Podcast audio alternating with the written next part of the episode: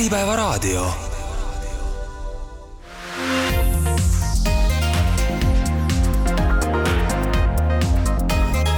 Trinity eetris. tere, head kuulajad alanud on taas saade Trinity eetris, mina olen saatejuht Gregor Alaküla. räägime täna soodustuskelmustest ja ka sellest, kuidas tavalised ettevõtjad võivad kas siis tahtlikult või tahtmatult sattuda kriminaalmenetlusse, kui minnakse Euroopa Liidu rahasid ja toetusi taotlema. Jagame hoiatavaid näiteid, mida teha, et mitte jamadesse sattuda ja mida teha siis, kui jama juba ukse taga on info tuleb täna otseallikatest, saates osaleb video teel Eestist määratud Euroopa prokurör Kristel Siitam-Nieri. tere!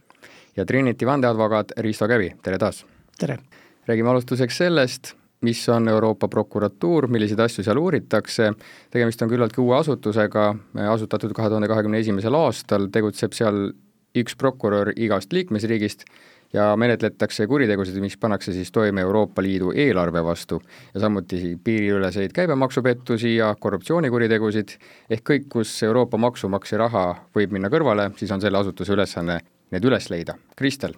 kui hästi on nii lühikese ajaga selline riikidevaheline koostöö tööle hakanud?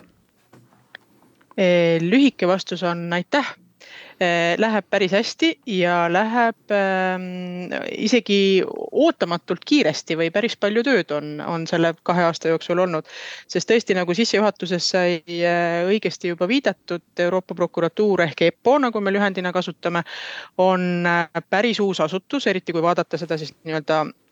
Euroopa Liidu pildis ehk et tõesti esimesel juunil, äh, nüüd siis natuke vähem kui kuu aja pärast, tähistame alles oma teist sünnipäeva. nii et selles mõttes tõepoolest äh, uus asutus Euroopa Liidus ja tegelikult ka esimest korda on Euroopa Liidu tasandil siis äh, olemas selline asutus, kellel on pädevus kriminaalmenetluse läbiviimiseks ehk et EPPO või Euroopa prokuratuuri näol ei ole tegemist lihtsalt mingisuguse järelevalveasutusega või,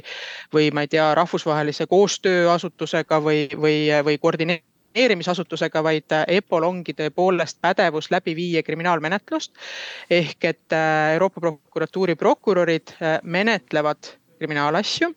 just nimelt siis selliseid kriminaalasju või kuritegusid, kus kahju on põhjustatud Euroopa Liidu eelarvele ja viivad need siis ka kohtu ette kas pärast seda, kui Euroopa prokuratuur tegutsemist alustas, on tunda ka mingeid muutusi ettevõtluskeskkonnas või, või näha, et on vähem pettusi ja toetusraha jõuab päriselt sinna, kuhu see on mõeldud? No ma arvan, et kahe aasta tegutsemise pealt on, on selliseid järeldusi natukene veel vara teha aga tuleb ka öelda seda, et tegelikult, kui me siin esimesel juunil kaks tuhat kakskümmend üks tõepoolest esimese kriminaalmenetluse meie infosüsteemis registreerisime, mis siis kandiski numbrit null, null, null, null, üks kaldkriips kaks tuhat kakskümmend üks, siis, ähm, äh, siis ega me tegelikult vist ise ka ei osanud oodata, et neid, äh, kui palju neid kriminaalasju üldse on, sest tuleb ka öelda, et enne kui loodi Euroopa prokuratuur, tegelikult Euroopa Liidus väga head ülevaadet selle kohta ei olnud. kui palju selliseid pettuseid Euroopa Liidu eelarve vastu ikkagi toime pannakse, et loomulikult on äh, on olemas meil Euroopa Liidu pettuste vastane agentuur Olav kes ka jätkab siin EPPO kõrval tegutsemist äh, oma valdkonnas, siis nemad on pigem küll ikkagi selline nii-öelda mm, haldusjärelevalve asutus ja kui nemad avastavad siis mingisuguse sellise pettuse, mis, äh, kus viitavad, on viited siis kuriteotunnustele, et siis nemad ka peavad äh, nüüd siis juba raporteerima sellest otse Euroopa prokuratuurile, kes siis viib läbi nüüd juba kriminaalmenetluse. aga esimesest päevast ehk siis sellest samast esimesest juunist kaks tuhat kakskümmend üks me alustasime selles mõttes täiesti nagu täiskiirusel ehk et äh, esimese hooga siis esimeste kuude jooksul äh, pidime üle vaatama siis kõik menetluses olevad pettuse asjad, mis siis liikmesriikides pooleli olid. Ja sealt edasi siis nüüd kõik sellised uued pettuse kahtlused ongi siis nüüd juba otse raporteeritud EPPO-le ja, ja kui vaadata siin näiteks Ähm, meie statistikat. Ehk siis äh, eelmise aasta aastaraamatust äh, võib välja tuua konkreetse numbri, et äh, kolmkümmend üks detsember kaks tuhat kakskümmend kaks seisuga oli EPPO-l pooleli siis erinevates liikmesriikides, meil on kakskümmend kaks liikmesriiki, tuhat ükssada seitseteist kriminaalmenetlust ja kõik need menetlused siis puudutavad ühel või teisel moel Euroopa Liidu eelarvet. ja asjade arv loomulikult kasvab, ehk et täna, kui me räägime siin nüüd juba maikuus, siis loomulikult on see asjade arv veel, veel sadade võrra kasvanud, aga noh, kui tuua konkreetne number välja, siis me kasutame jah seda aasta lõpu ametlikku statistika numbrit hästi, sellise, seda, milliseid asju Euroopa prokuratuur täpselt uurib, selle juurde tuleks hiljem tagasi, aga üks neist on kindlasti seotud eurotoetustega ja nendega seotud skeemid. Risto, tulemegi saate peateemale lähemale, millised on need peamised kelmused, pettused ja kuritööd seoses eurotoetustega? ma kõigepealt alustaksin sellest, et et meil on, minu nagu tähelepanekute kohaselt on see soodustuskelmus selline kuritegu, millega, mille otsa võib sattuda ka täiesti selline tavaline ettevõtja, kellel tegelikult tema tegevuses ei ole mingit pistmist nagu ideega rikkuda õigust ja, ja saada sellest nii-öelda teenida oma kasum selle arvelt. ehk et keegi, keda võib-olla me oleme teadnud aastaid ja siis ühel hetkel äh, selgub, et tal on, et ta on sattunud siia, siia mm, selle soodustuskelmuse kahtlustuse äh, nagu osaliseks. et, et seetõttu, äh, kui Äh, kuulaja küsib, et et mis on minul äh, kuritegevusega pistmist, miks ma peaksin pöörama tähelepanu, siis eurotoetustega on noh, elu näidanud, et on on, on sinna probleemidesse sattunud ka täiesti, täiesti tavalised ettevõtjad. aga üldiselt on äh, soodustuskelmuse puhul karistatavuse eeldused äh, sellised, et äh, pettuse teel saadakse mingisugune soodustus või siis kasutatakse äh, seda toetust viisil, nagu see ei olnud ette nähtud kui seal on mingisugune otstarve, siis äh, see saadakse mingisugune kas täielikult või osaliselt äh, tasuta väljamakse või, või maksusoodustus. Äh, see tehakse majandustegevuses osalevale isikule avalikest vahenditest, mille hulka on siis, kuuluvad ka Euroopa Liidu vahendid, ja siis eesmärgiga soodustada majandustegevust kuna siin juba nende tingimuste juures on kaks korda mainitud sõna majandustegevus, siis on selge, et see on väga-väga tihedalt seotud ette, ettevõtlusega, äh, see, see kuritegu. mõistete koha pealt äh, ma saan aru, et äh, pettus on selline rahvakeelne väljend, aga kelmus on konkreetne juriidiline termin, on mingeid erinevusi veel? ja, ja kuritegu, pettus ja kelmus? nojah, kelmus on selline kriminaalõiguslik mõiste, pettus kasutatakse meil tsiviilõiguses. et aga jah, eks ta on nagu äh, lihtsalt seda, sedalaadi eksitamine, mis noh, mis täidab selle kuriteo koosseisu. kuriteo eeldus, et keegi peab olema saanud majanduslikku kahju. hästi mm, mainitud, et Euroopa prokuratuuri käimasolevatest menetlustest me rääkida ei saa, aga võib-olla tagasivaatavalt, et milliseid asju Eestis on menetletud seoses Euroopa Liidu eh, raha väärkasutusega, saab äkki mõne õppetunni kaasa võtta, mida need on siis puudutatud, need näited, mis te tõite? No kohtupraktikas torkab silma, et eks need on väga erinevates valdkondades, kus, kus need eurotoetused liiguvad, loomulikult põllumajanduses on äh, hulgaliselt juhtumeid, kus äh, noh, mingisuguseid pindalatoetusi või mingeid investeeringutoetusi kuritarvitatakse mingisugusel moel. siis äh, energeetikas on olnud suuri asju ja seal noh, need mastaabid on suured, et need toetuste summad on ka siis äh, nagu märkimisväärsed miljonites. ja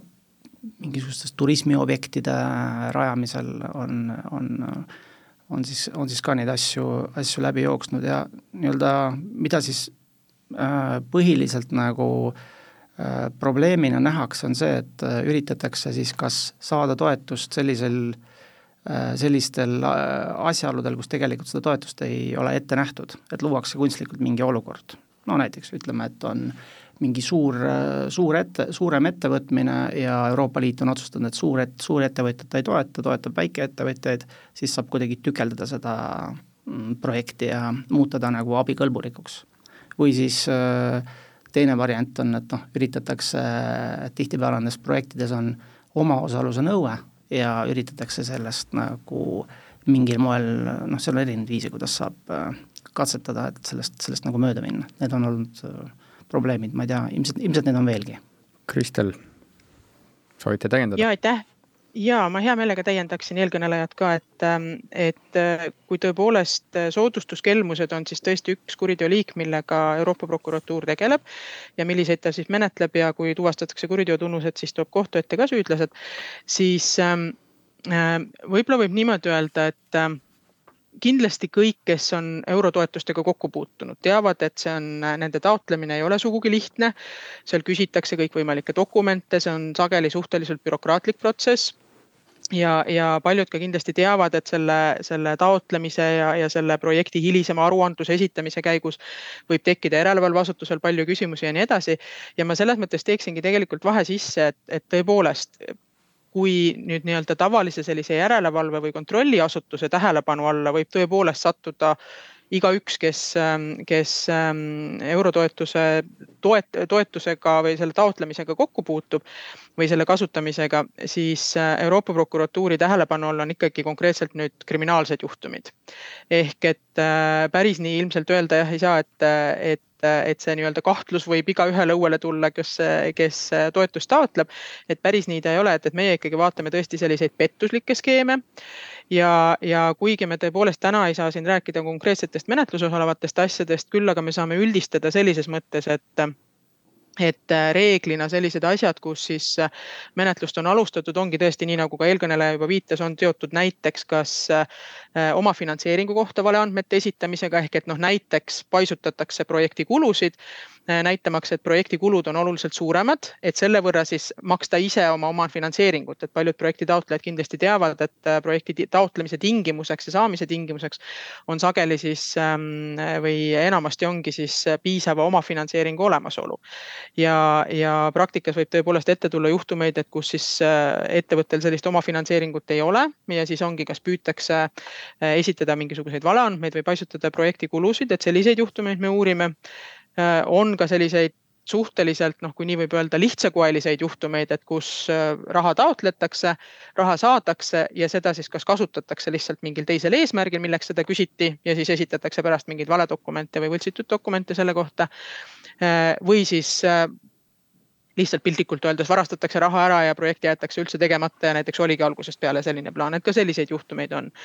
Äh, on ka topeltrahastuse juhtumeid, et kus äh, minnakse, küsitakse ühelt asutuselt toetust projekti jaoks ja siis äh, varjates seda teise asutuse eest minnakse, küsitakse samale projektile samade tööde eest teist korda raha et need võiks olla nii-öelda lihtsustatult öeldes sellised skeemid, aga jah, rõhutada tahaks ennekõike seda, et, et meie selliseid nii-öelda lihtsaid eksimusi näiteks raamatupidamises või midagi sellist ikkagi ei menetle, vaid reeglina me ikkagi menetleme selliseid asju, kus tegemist on juba kriminaalse tahtlusega või kriminaalse pettusega, et eks siin on loomulikult juriidiliselt teatud nüansse, et, et milles, mille osas siin ilmselt prokurör ja advokaat võiksid omavahel pikalt vaielda. aga et loomulikult on, on jah, kõikidel ettevõtetel, isikutel, kes toetust taotlevad, on, on teatav hoolsuskohustus loomulikult vaadata, et raamatupidamine on korras, aga et, et EPO-t pole põhjust karta, kui, kui ise ikkagi pettust toime ei pane või mingeid dokumente ei võltsi. Ehk niisama kelmiks ikkagi keegi ei tembelda, vaid peab olema planeeritud kavalus või mingi optimeerimine ettevõtja ja, ja eks loomu-, loomulik on muidugi see, et, et kui, kui kriminaalmenetlus alustatakse, loomulikult võib tulla kriminaalmenetluse käigus välja või noh, meil on teatud nii-öelda selline kuidas ma ütlen, valulävi, et, et mis tuleb siis ületada, et, et menetlust alustatakse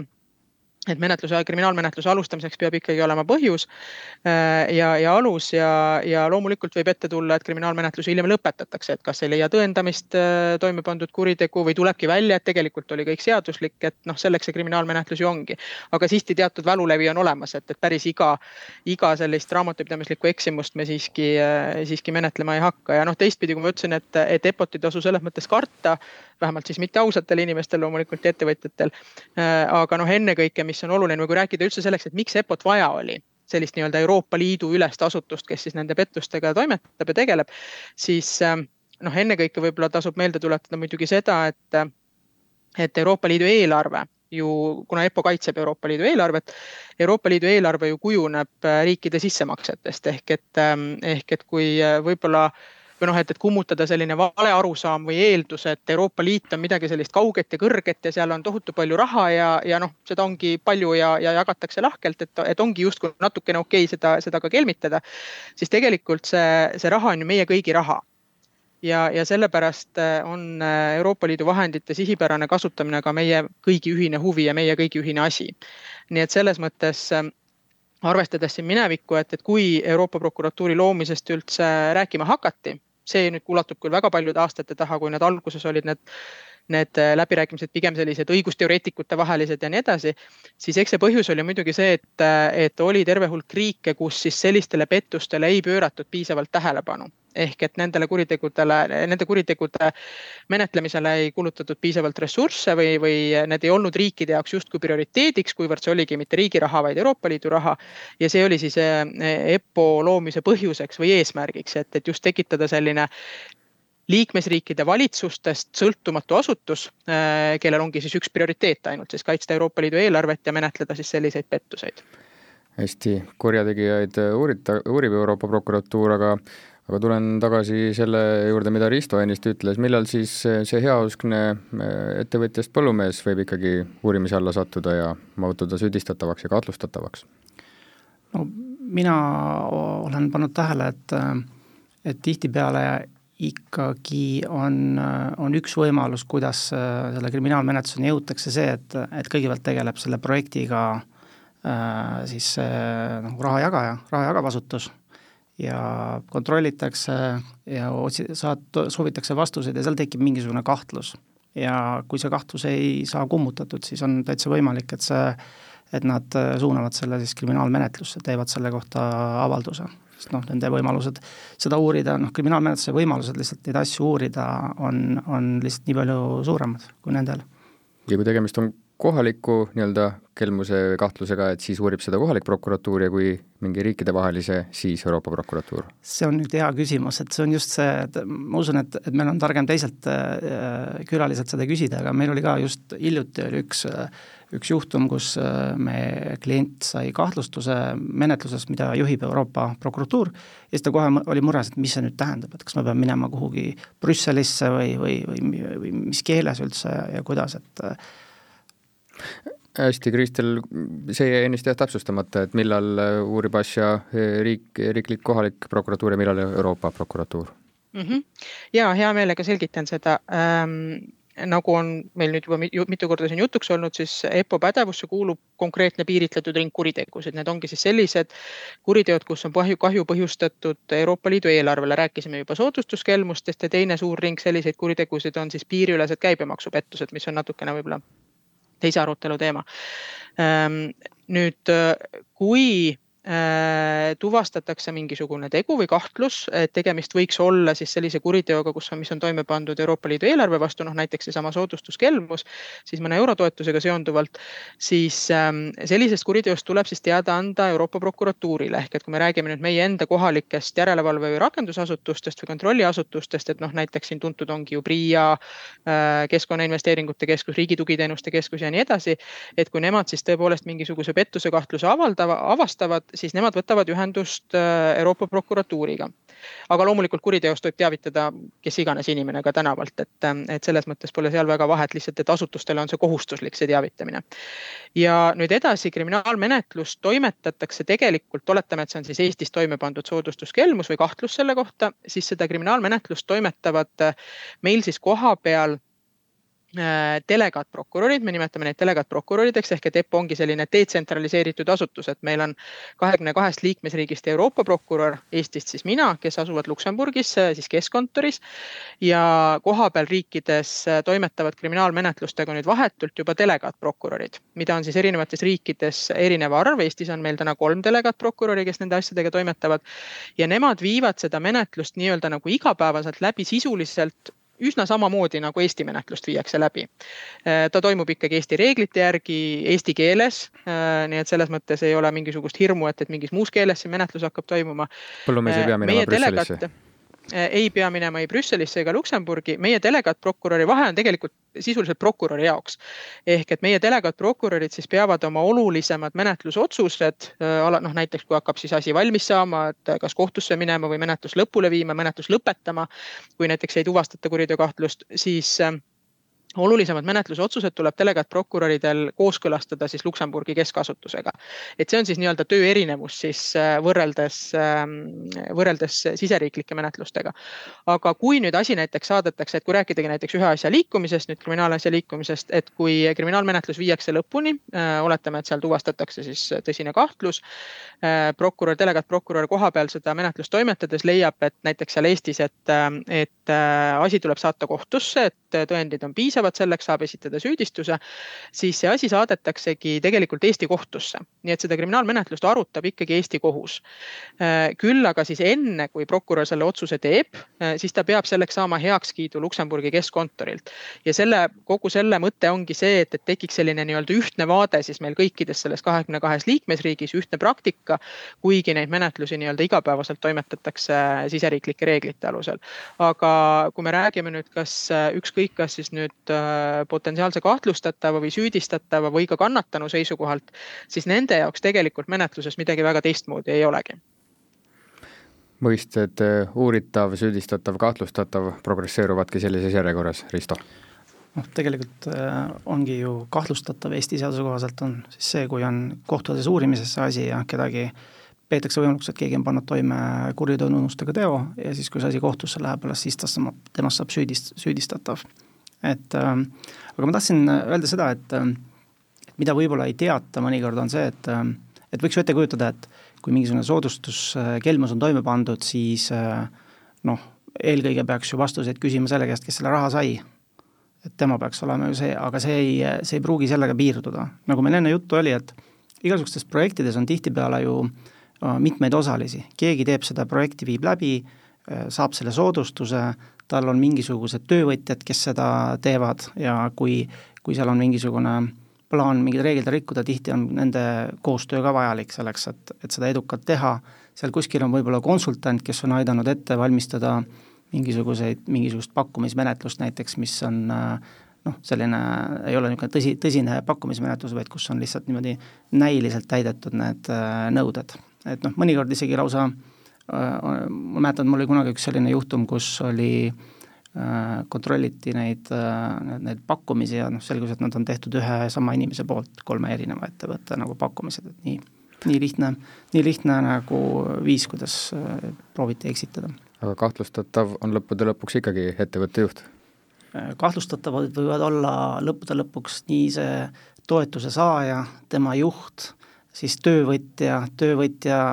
need juhatuse liikmed kes on asjaga seotud, see konsultant, kui tal on mingi ettevõte, sest et siin on, siin kehtib seesama põhimõte, et kuna Eestis võetakse vastutusele ka juriidilisi isikuid, siis tihtipeale nad tulevad nagu paaridena, et on nii-öelda see võtme, võtmetöötaja ja siis ka see juriidiline isik, mille huvides ta tegutseb, tuleb sinna kriminaalvastuta, vastutusele võtmisele kaasa. ehk siis need paisuvad ka nii-öelda, neid isikuid saab olema palju kui levinud see on, et ettevõtte juht ise ei olegi selle pettuse, pettusohuga kursis, et ta ongi töötaja määranud euroraasid taotlema, paneb lihtsalt allkirja alla? ma ei oska võib ka, võib ka seda juhtuda, ma võin, võin kinnitada, kui nähes nüüd ka nii-öelda praktikat, mitte siis ainult Eesti asjades, vaid tõesti seda, mis toimub kahekümne kahes liikmesriigis, et, et me ju siin kesktasandilt näeme kõikides liikmesriikides menetletavaid asju. et tõesti esineb igasuguseid situatsioone ja ma lisaksin siia, siia juurde ka selle nüansi, et et äh, viimasel ajal on näha ka seda, et need, need äh, ütleme, et kas me nüüd nimetame seda siis petuskeemiks või siis alles on ta siis äh, alles nii-öelda menetluse algstaadiumis olev asi, kus me päris täpselt võib-olla veel ei tea, et, et kes mida või kes, milline on täpselt kellegi roll olnud. me näeme üha rohkem ka seda, et need skeemid on rahvusvahelised ehk et äh, noh, kui hästi selline lihtsustatud näide tuua, kasvõi see, et, et kui on tegemist näiteks mingi valdkonnaga, kus võib-olla Eestis ei olegi väga palju ettevõtjaid, kes selles valdkonnas on tegevad ja, ja, ja peab näiteks seal siis toetuse taotleja äh, näiteks siis selleks, et võtta endale siis nii-öelda alltöövõtja, peab näiteks küsima mingisuguseid võrdlevaid pakkumisi või läbi viima hanke, siis teinekord tulebki ette, et Eestis ei olegi võtta selliseid ettevõtjaid, eriti kui on tegemist mingisuguse arendus või teadus või mingisuguse innovatiivse tegevusega. siis tuleb võtta pakkumised ka välisriikidest ja, ja see on tegelikult üks ähm, ähm Äh, EPPO, Euroopa Prokuratuuri kasutegur. ehk et äh, menetluse vaates siis just ennekõike, et, et kui meil on vaja kasutada siis nüüd piiriülest infot või küsida tõendeid teistest liikmesriikidest, siis see tänu sellele, et kuna EPPO toimetab korraga kahekümne kahes riigis ja, ja kõik need kolleegid üksteist nüüd tunnevad ja teavad, neil on ainult üks prioriteet, nad kõik tegelevad ühte liiki asjadega, äh, siis see piiriülene koostöö tõendite vahetamiseks on tõepoolest hästi kiire, hästi sujuv ja see on tõesti menetlusele väga-väga palju abiks olnud ja, ja tõesti üks EPPO kasutegur, mida, mida võib siit nii-öelda keskkontori vaatest küll äh, julgelt kinnitada. aga, aga teistpidi muidugi ähm, tõsi, sellised asjad sageli ka näiteks need asjad, mis jõuavad kohtusse, ongi keerulised ja mahukad ja üsna sageli tõepoolest ei jõua kohtu ette mitte ainult siis üks juriidiline isik ja üks füüsiline isik, vaid selle skeemiga sageli ongi seotud tõepoolest suur hulk inimesi, mis teeb loomulikult ka selle menetluse oluliselt keerulisemaks räägime nüüd sellest, mida toob ettevõtjatele kaasa see kriminaalmenetlus ja uurime, kuidas siis käituda. kui prokuratuur teeb kindlaks, et on rikutud eurotoetuste tingimusi, ettevõtja on eksinud, eh, siis eh, räägime sellest, mis siis saama hakkab. viimasel ajal on kirjutatud ajakirjanduses sellest, et kontroll on suurenenud ja üha rohkem eurotoetusi küsitaksegi tagasi. on see kõige hullem asi, mis saab juhtuda või kuidas see toetuse tagasiküsimine välja näeb? no ma alustan äh, niimoodi, et eks nende asjade puhul ongi ju see lugu, et kui me siin mõnes varasemas saates oleme käsitlenud seda, et kriminaalmenetluses tänapäeval äh, ei pea olema lahendus, et kas keegi mõistetakse õigeks või ta jääb süüdi ja saab karistada, et seal on mitmesuguseid vahevõimalusi, kuidas see asi saab äh, laheneda, see on ka, ka isegi ütleme, kuriteo toimepanemise pool võib saada see menetlus äh, teatud tingimustel lõpetatud, aga nende eurotoetustega seotud asjades on tihtipeale äh, üks väga mõjuv tegur on see raha, mida soovitakse tagasi saada. ehk et kui on pandud toime äh, kuritegu, näiteks ütleme, et on selline olukord, et on äh, juba selle toetuse taotlemisel on esitatud näiteks mingisugused võltsitud dokumendid selle kohta, tegelikult taotluse saamiseks võltsitud dokumentide alusel äh, õigust ei ole, siis on, tuleb siia kriminaalmenetlusse varem või hiljem nõue, ehk et esit-, soovitakse see toetus tervikuna tagasi saada. ja kui need summad on väga suured, see tähendab seda, et ka panused selles kriminaalasjas on suuremad, need nii-öelda alternatiivsed võimalused väljumiseks on tihtipeale ikkagi seotud ka sellega, et kas see raha küsimus leiab mingisuguse lahenduse või mitte. ehk et siis ongi, äh, kuna panused on suured, siis või, võidakse mängida ka niimoodi, et äh, noh, lastaksegi mõlemad pooled äh, on huvitatud, et see asi läheks kohtusse ja vaataks, mis siis saama hakkab, sest noh, tegelikult on ka Eestis äh, nüüd varasemates asjades ju juhtunud, et kui kui sa paned piisavalt suure seltskonna kokku sinna kohtu alla siis hakkab menetluses juhtuma igasuguseid huvitavaid asju, inimesed jäävad haigeks, istungiajad ei sobi ja see asi venib ja venib ja venib ja see võib ka nii-öelda täiesti nagu äh, hea, hea juhtumi korral lõppeda niimoodi menetluslikel põhjustel äh, äh, lihtsalt halvasti ja see asi lõpeb mingisuguse kas aegumisega või, või siis menetlus, mõistlik menetlustähtaeg näiteks lõpeb. Kristel, kui raha on juba, eurotoetuseks saadud raha on juba ära kulutatud, siis ei õnnestu seda ju tagasi nõuda, mis siis saab? ja äh, eurotoetuse tagasinõudmiseks on nüüd ka erinevaid võimalusi nii praktiliselt kui juriidiliselt, et, ähm, et noh, loomulikult võib kontrolliasutus nii ehk naa selle raha, raha tagasi nõuda või siis seesama asutus, kes selle toetust määras. ja, ja seal on ka erinevad reeglid, et, et teinekord võib juhtuda ka näiteks see, et on tegemist väga suure mahuka projektiga, oletame, et mis maksab seal näiteks kakskümmend miljonit eurot aga pettuslik on sealt ainult võib-olla väike osa, mis puudutab võib-olla sealt paarisadat tuhandet, et, et, et siis ei küsita muidugi tagasi reeglina mitte kogu toetust, vaid siis ikkagi see finantskorrektsioon tehakse siis selles konkreetses, konkreetses pettuse kahtluse summas. aga on ka juhtumeid tõepoolest, kui näiteks esitataksegi projekti näiteks sellesama, sama miljoni toetuse puhul, kui esitatakse valeandmed nüüd kogu projekti mahus, siis võib küsida loomulikult tagasi äh, kogu selle projekti raha. nii et selles mõttes on tõesti see raha kindlasti üks selliseks ähm, mõjuteguriks äh, selles asjas ja, ja tagajärjed võivad olla hiljem päris valusad. nüüd, kui me räägime sellistest juhtumitest, kus äh, raha on juba ära kulutatud ja midagi enam võtta ei ole, siis võib kindlasti välja tuua ühe sellise noh, põhimõttelise otsuse, mille me oleme ka siin Euroopa prokuratuuris teinud et ähm, kuivõrd meie eesmärk on ikkagi see, et, et kuriteod ei tohi ennast ära tasuda ja meie mõte või noh, üks eesmärk on kindlasti see, et, et petetud raha tuleb Euroopa Liidu eelarvesse tagasi tuua. sest noh, see näitab siis ka seda, et, et kui äh, noh, kas me suudame siis need selle, seda liiki kuritegudega ikkagi tõhusalt äh, võidelda, siis äh, kriminaalmenetluse vaatest on loomulikult võimalik siis minna ka vara arestima Mm, ehk et äh, otsida siis ikkagi, kas siis nüüd juba raha siis kuritegeliku tuluna, kas siis keegi on saanud sellest kuriteost mingisugust kasu. Vaadata, kuhu see raha on liikunud, et selles mõttes need võimalused on muidugi kriminaalmenetluses oluliselt paremad, kui ta lihtsalt oleks nii-öelda sellisel järelevalveorganil. ja, ja me oleme ikkagi ise üldiselt kokku leppinud, et lähtudes siis tõesti põhimõttest, et kuritegevus ei tohi ära tasuda, siis äh, kõikidel sellistel puhtudel, kus kahtlustus nüüd juba on piisavalt tõsine, siis me vähemalt kaalume vara arestimist. iga kord ei ole see võimalik,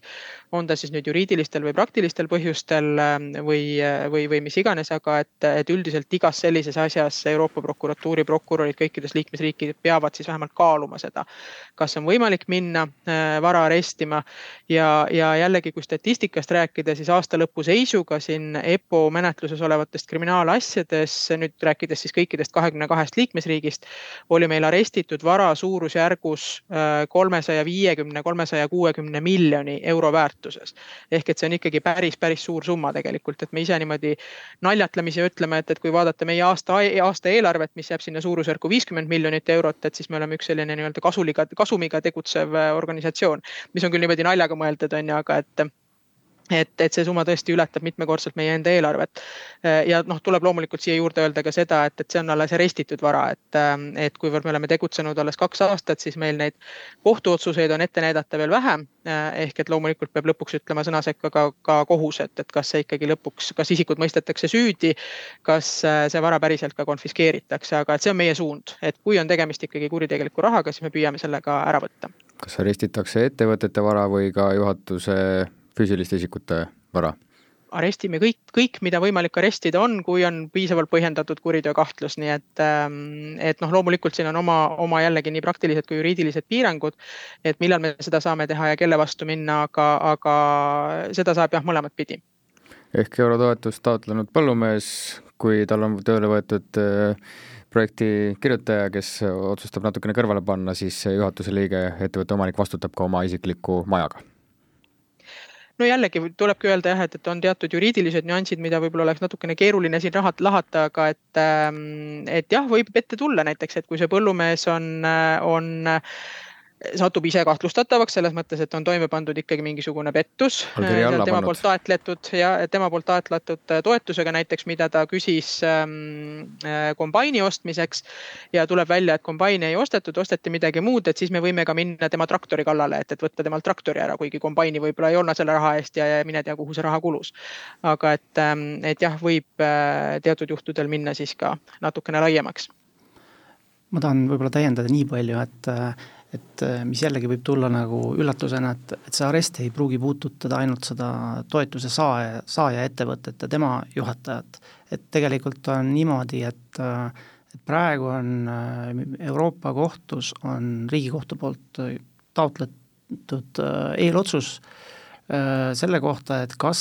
saab nõuda äh, neid äh, toetusrahasid, mis on kuritegelikult teel saadud, äh, tagasi ka mitte ainult selle toetuse saajalt, mis on tüüpiliselt mingi juriidiline isik, vaid ka tema juhatuse liikmetelt. aga ma tean, et äh, menetluspraktikas on juba arestitud ka hoopis selliste isikute vara, kes ei ole üldse sellega noh, vahetult seotud selle toetuse saaja juriidilise isikuga, ehk et need, ütleme töövõtja näiteks töövõtja juhatuse liige, kes on, kellel on võib-olla mingisugune väiksem seos, aga et äh, nii-öelda, et selles mõttes see praktika on kujunemisel ja nagu oht on olemas, et see võib puudutada äh, ebameeldivalt äh, palju laiemat ringi, see tagasinõue tuleme veel ettevõtjale lähemale, mis puudutab seda, kui menetlus on juba alanud, tagajärjed siis, kui jama on juba ventilaatorisse lennanud, kriminaalasjad võivad alata äkiliselt, et mitte siis anda kurjategijatele võimalust neid tõendeid peita või hävitada, aga võib tihti ka siis selle ausa ettevõtja üsna ähmi täis ajada. Eh, mida võib siis ettevõtja oodata, mm, kui see kriminaalmenetlus niimoodi algab tema suhtes? ma siis äh, räägin, et oma tähelepanekute kohaselt, et äh, eks ta tüüpiliselt niimoodi algabki, et, äh, et ühel täiesti suvalisel päeval, mil mitte keegi seda ei oota, toimub läbiotsimine võib-olla võetakse keegi kaasa politseisse, esitatakse talle kahtlustus, toimub ülekuulamine, kui ta on valmis äh, ütlusi andma ja siis äh, noh, nende läbiotsimiste käigus saadakse kätte noh, väga paljud igasugust dokumentatsiooni, kus siis selgub, selgub, selgub igasuguseid asjaolusid, mis ei pruugi olla soodsad selles kriminaalasjas nendele menetlusalustele isikutele, aga tihtipeale see menetlus ise või see uurimine ise algab juba tükk aega enne seda, kui, kui see nii-öelda esimene nii-öelda nähtav menetlustoiming toimub, et seal võib olla niimoodi, et on juba aasta või aasta või paar isegi on, on, on midagi uuritud, ehk et tegelikult see algus, algus saab olema äkiline ja noh, nagu ma ütlesin, et sinna võib ka lisanduda see vara arestimise äh, Äh, nii-öelda, et, et tuleb kohtumäärus, et on, et kodu on arestitud nüüd, et see võib olla ka nii-öelda osake, osake sellest paketist. aga siis, kui see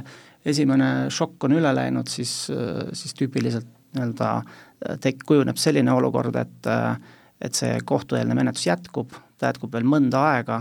noh, seda materjali uuritakse, mis on kätte saadud ja siis ettevõtjad on tihti sellises olukorras, et nad ei tea, mis nüüd saab. et neil on mingid tulevikuplaanid, aga millest me nüüd lähtume, et kas meil läheb nagu väga halvasti või, või on, on siit nagu väljapääs sellest loost, et mis me teeme? Ühes varasemas saates rääkisime samuti sellest, kuidas käituda siis, kui ettevõttes toimub läbiotsimine ja selle saate moraal oli selles, et kohe algusest peale tuleks kaasata advokaat, sest meeltesegaduses ei pruugi ettevõtja ratsionaalseid otsuseid teha ja et kirja pandud ütlusi hiljem muuta ei saa, on siin veel midagi soovitada? Ma arvan, et nüüd, kui, eriti kui nüüd, kui Euroopa prokuratuur nende asjadega tegeleb, siis nagu jah, et, et see soovitus ikkagi üldiselt on see, et kui juba kriminaalasi on alustatud, siis kuna, nagu ma mainisin, et minu tähelepanekute kohaselt võib siin olla juba, et on seda et kui kahtlustuse nii-öelda esitamisele eelneb juba aasta uurimist näiteks ja võib-olla on enne seda see noh, näiteks seal see PRIA uurinud või teinud mingit järelevalvet juba enne seda ja avastanud mingisuguseid asju, siis nagu äh, selge on see, et mingi üsna põhjalik eeltöö on juba tehtud, et tegelikult, et kui see kahtlustus tuleb, et tasub seda hakata algusest peale tõsiselt võtma, mitte mitte mõelda, et noh, vaatame, mis saab, et, et et küllap kõik iseenesest laabub. kui levinud on pealtkuulamised kurjategijate tabamiseks just sellises eurotoetuste väärkasutuse juhtumites? minu kogemuse kohaselt äh, on need sellised, äh, kuna tegemist on ju sellise äh, kuriteoga, kus on tihtipeale mingisugune selline kooskõlastatus erinevate inimeste vahel ja ta ei paista nagu hästi välja, siis ma olen ikka korduvalt näinud oma asjades, et, et, et see pealtkuulamine on täiesti, täiesti, täiesti toimub, et see on üks nendest nii-öelda, kus, kus koht, kohtud lubavad, peavad võimalikuks sellist. Kristel, menetlustoimingute kohta midagi täiendada, me praktikas oleme lugenud sellistest mitmetes riikides paralleelselt toimuvatest läbiotsimistest? Jaa, nagu ma eelnevalt viitasin, siis see, mis puudutab, puudutab tõepoolest äh, piiriülest koostööd, siis meie praktikas nüüd just tulenevalt sellest, et me toimetame siin korraga kahekümne kahe liikmesriigi territooriumil, on juba tegelikult tõesti päris palju selliseid operatsioone, kus siis nüüd korraga viidakse läbi tõesti siis see operatsioon, meie kutsume teda inglise keeles siis action day, viiakse läbi mitmes riigis korraga. meil on siin näiteks näide siin eelmise aasta sügisest, kus äh, ühte maksupettust väga,, väga-väga suurt maksupettust uurides küll äh, viidi läbi korraga kolmsada läbiotsimist praktiliselt kõikides meie liikmesriikides ja, ja tehti ähm, äh, noh, siis vahistamised ja varaarestid, kõik, mis sellega kaasnesid, nii et, et see kogemus on meil ka siin juba paari aastaga olemas. ja tõsi on loomulikult ka see, et et äh, sellel hetkel, kui nüüd läbiotsimismäärusega koputatakse siis ettevõtja uksele, suure tõenäosusega on menetlus juba mingit aega tõepoolest kestnud. et, äh, et, et on ikkagi juba sellised nii-öelda esmased andmed siis kogutud, tõsi siis mitte avalike menetlustoimingutega. kui vaja, võib tõepoolest selleks kasutada siis ka, kui kuritegu on piisavalt tõsine näiteks ja, ja, ja seadus seda lubab, siis äh, on võimalik kasutada tõepoolest ka erinevaid jälitustoiminguid mida ka praktikas tehakse äh, vastavalt siis seaduses ette nähtud piirangutele. Ja, ja selles mõttes võib eelkõnelejaga nõustuda, et, et äh, muidugi on hea, kui kahtlustust võetakse algusest peale tõsiselt, et, et ja, ja rääkides siin nüüd sellisest nii-öelda noh, kuidas ma ütlen siis tõendite vettpidamisest või et, ähm, et, et tõendid oleksid kõik kogutud seaduslikult ja, ja, ja hiljem ka siis ähm,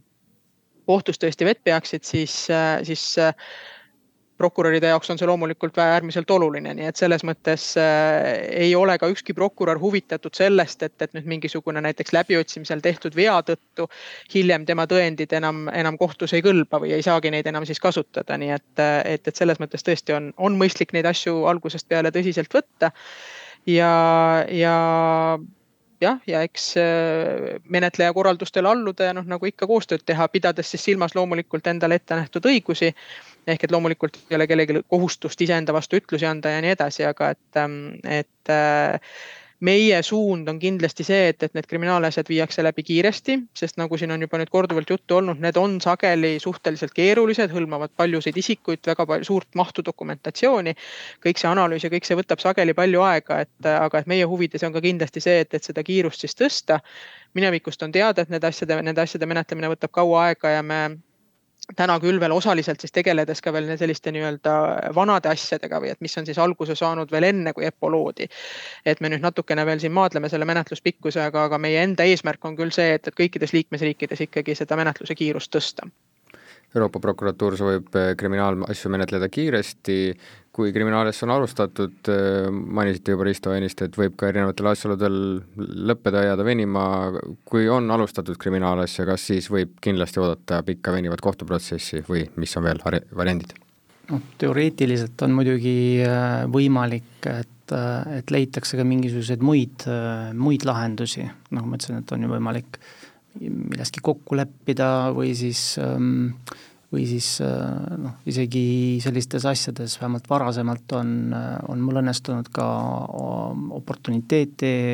oportuniteediga lõpetamisi äh, saada. aga noh, minu, ma nüüd ei tea, et see sõltub natuke nagu prokuratuuri poolest ka, et milline nende poliitika saab olema, sest ikkagi see küsimus alati jääb sellele nagu raha peale, et kas see rahasumma on selline, mida noh, on nii-öelda äh, et kas selles rahasummas leitakse mingi üksmeel, et kui palju seda siis tuleb tagasi maksta või? hästi, üks äh, täpsustus äh, hmm, Euroopa prokuratuuri äh, summade kohta jäi mul kuskilt silma, et menetlusse võetakse vaid kriminaalasjad, kus kahju on vähemalt kümme tuhat eurot. Kristel, vastab tõele? jah, meil on tõepoolest äh, Euroopa prokuratuuri loomise määruses paika pandud, et kui kahju jääb alla kümne tuhande euro, siis me seda üldiselt menetlusse ei võta, välja arvatud väga erandlikel juhtudel, näiteks kui on tegemist siis näiteks mõne Euroopa Liidu ametnikuga, kes selle kuriteo on toime pannud või mingid muud säärased tingimused. aga praktikas võib muidugi öelda ka seda, et, et ega nii väikeseid asju meile üldiselt ei jõuagi, et, et, et üldiselt me räägime ikkagi oluliselt suurematest kahjudest või siis nagu potentsiaalsetest kahjudest ka Eestis võib täna öelda, et, et need menetlused, mis meil täna pooleli on, ka seal ulatub kahju seal mõnekümnest tuhandest kuni päris mitme miljonini, nii et need kahjud on väga, need kriminaalasjad on väga erinevad.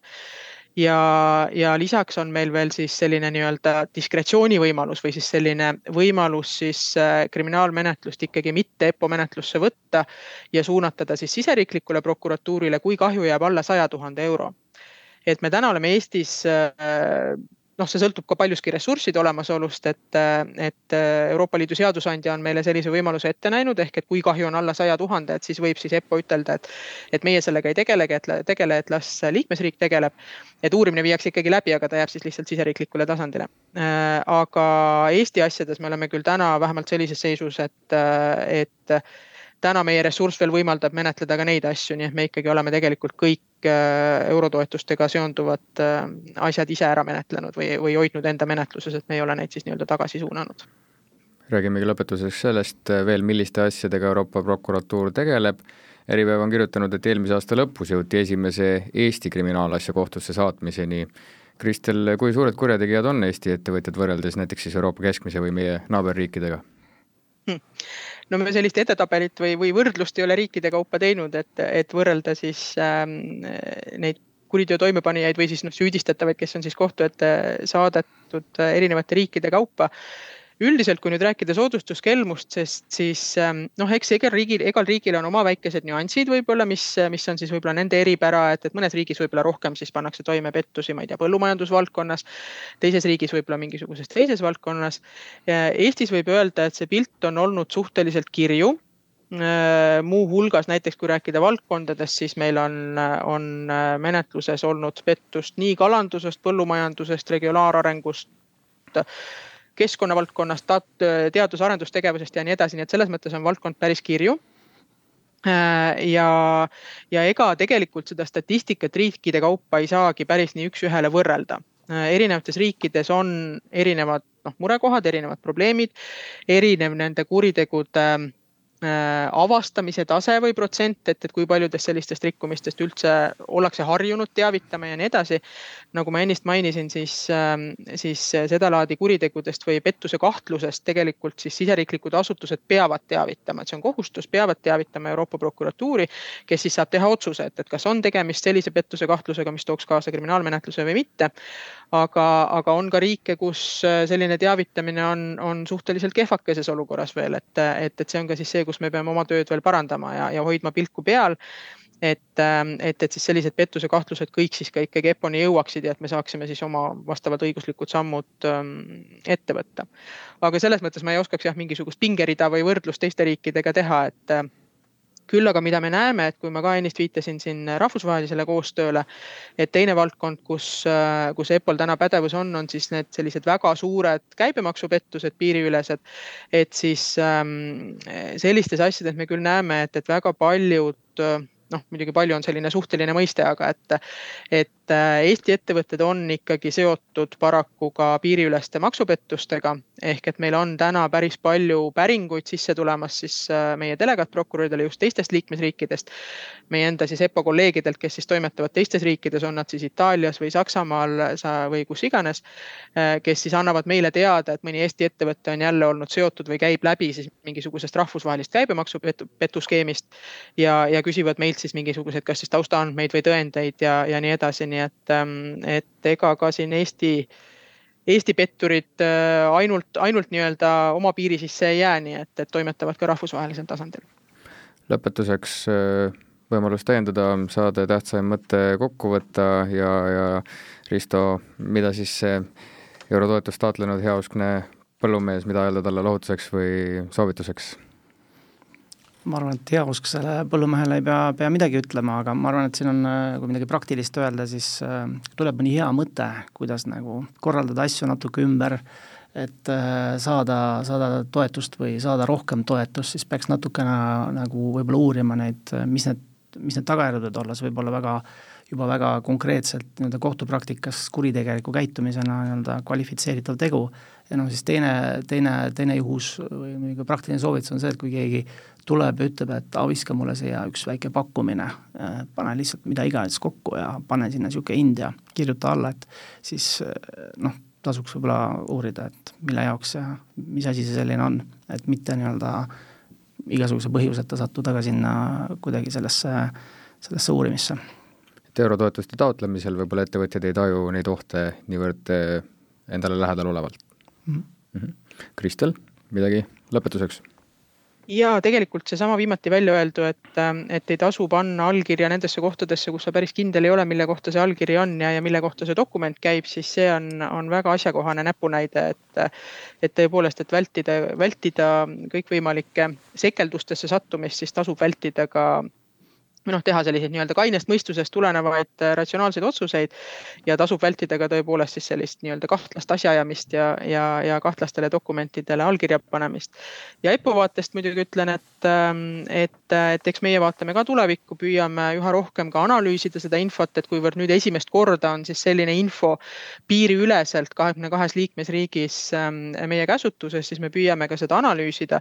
ja, ja kuigi prokuratuuri ülesanne noh tulenevalt siis tema nii-öelda konkreetsest eesmärgist on siis kriminaalasjade menetlemine ja kohtu ette toomine, siis äh, eks loomulikult meie vaatame ka selle peale, et parem oleks, kui neid pettuseid toime ei pandaks, ehk et, ehk et ka meie analüüsime seda praktikat, mis nüüd meie, meie lauale siin jõuab erinevatest liikmesriikidest.